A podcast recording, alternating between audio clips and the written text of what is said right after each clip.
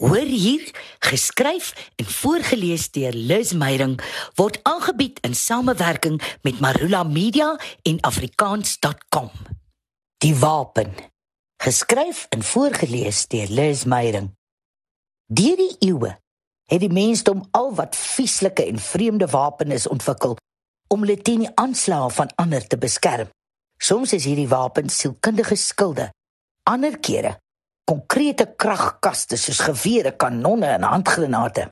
Nou die dag hoor ek die storie van 'n ongewone wapen en 'n ongelooflike oorspronklike vorm van vegkuns wat 'n hele stad vir 'n wyle sou red. So kloppie dekades gelede het die inwoners van die mooi stad Sarajevo hulle in 'n onmenslike en hopelose situasie bevind. Met die beleg van Sarajevo en die Bosniese oorlog kon geen kos of ander voorrade hulle bereik nie. Die situasie was so benard dat die mense selfs rotte geëet het om aan die lewe te bly. Maande lank is Sarajevo gebombardeer en honderde, duisende mense is dood. Op laas kom daar 'n bietjie hoop. Die beleg duur voort, maar daar het darm kos kon deurkom. Brood, 'n luukse wat hulle in maande nie gehad het nie. Geduldig staan die verhongerdes op die ou dorpsplein om elkeen 'n brood te ontvang. Aan die oorkant van die plein woon 'n man in 'n woonstelletjie. Hy sien die tou mense wat hoopvol staan en wag op die uitkoms wat 'n bietjie brood gaan bring. Skielik bars geweerskote los. Die vyand skiet met doelloos op die onskuldiges wat in die broodtou staan. Die plein word 'n bloedbad. Die man staan hulpeloos en toe kyk hoe sy bure, vriende, kollegas, vreemdes afgemaai word.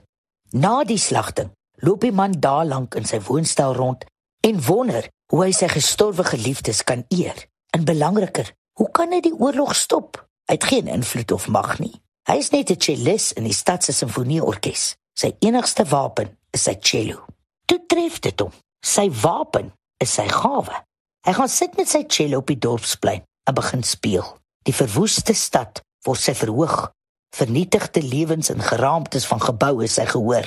Die cellist van Sarajevo speel nie vir almoses aandag of applous nie. Hy speel omdat dit sy enigste wapen is. Dis sy enigste verweer teen die wreedheid, sy enigste salf teen sy woede en magteloosheid en bovenal sy enigste manier om sy gestorwe vriende te herdenk.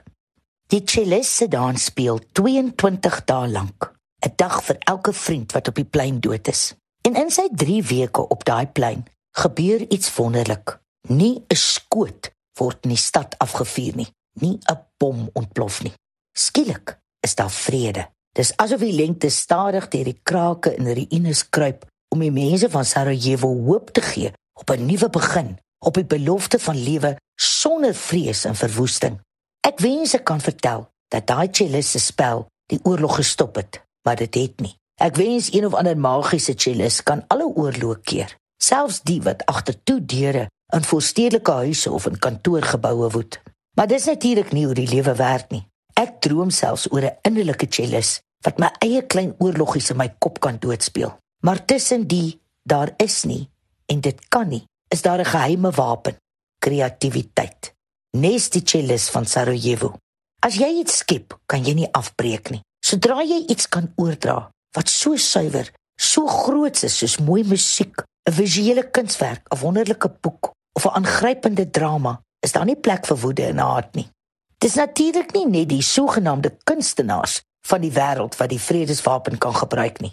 Almal het 'n gawe om konflik te besweer. Elkeen se manier is uniek, maar net so treffend soos die krag van mooi musiek. Trouwens, ek skat menige buurtgeskil is al tot niet verklaar met 'n vredesoffer van 'n vars melktert wat oor die muur aangegee is. Die metode is nie die probleem nie. Die motivering om dit te doen is dikwels die groot kwessie. Ons kyk vas teen ou wonde, wraak, trots of soms net bly die koppigheid voor ons eintlik besef dat die stryd meer in onsself lê as teenoor iets of iemand. Hoeveel eeue oue woede word nie uit blote gewoontes vertroetel nie. Soms verg dit tyd, woede-uitputting of 'n wyse buitestander se raad om ons tot vredesinsigte te bring. Soms bring 'n krisis 'n gedwonge skietstilstand. Ek wens ek het die moed van daai chillis gehad. Maar miskien, net miskien, sal sy storie in my kop bly resoneer voor ek my alledaagse oorloggies met soveel vasbeslotenheid aanpak.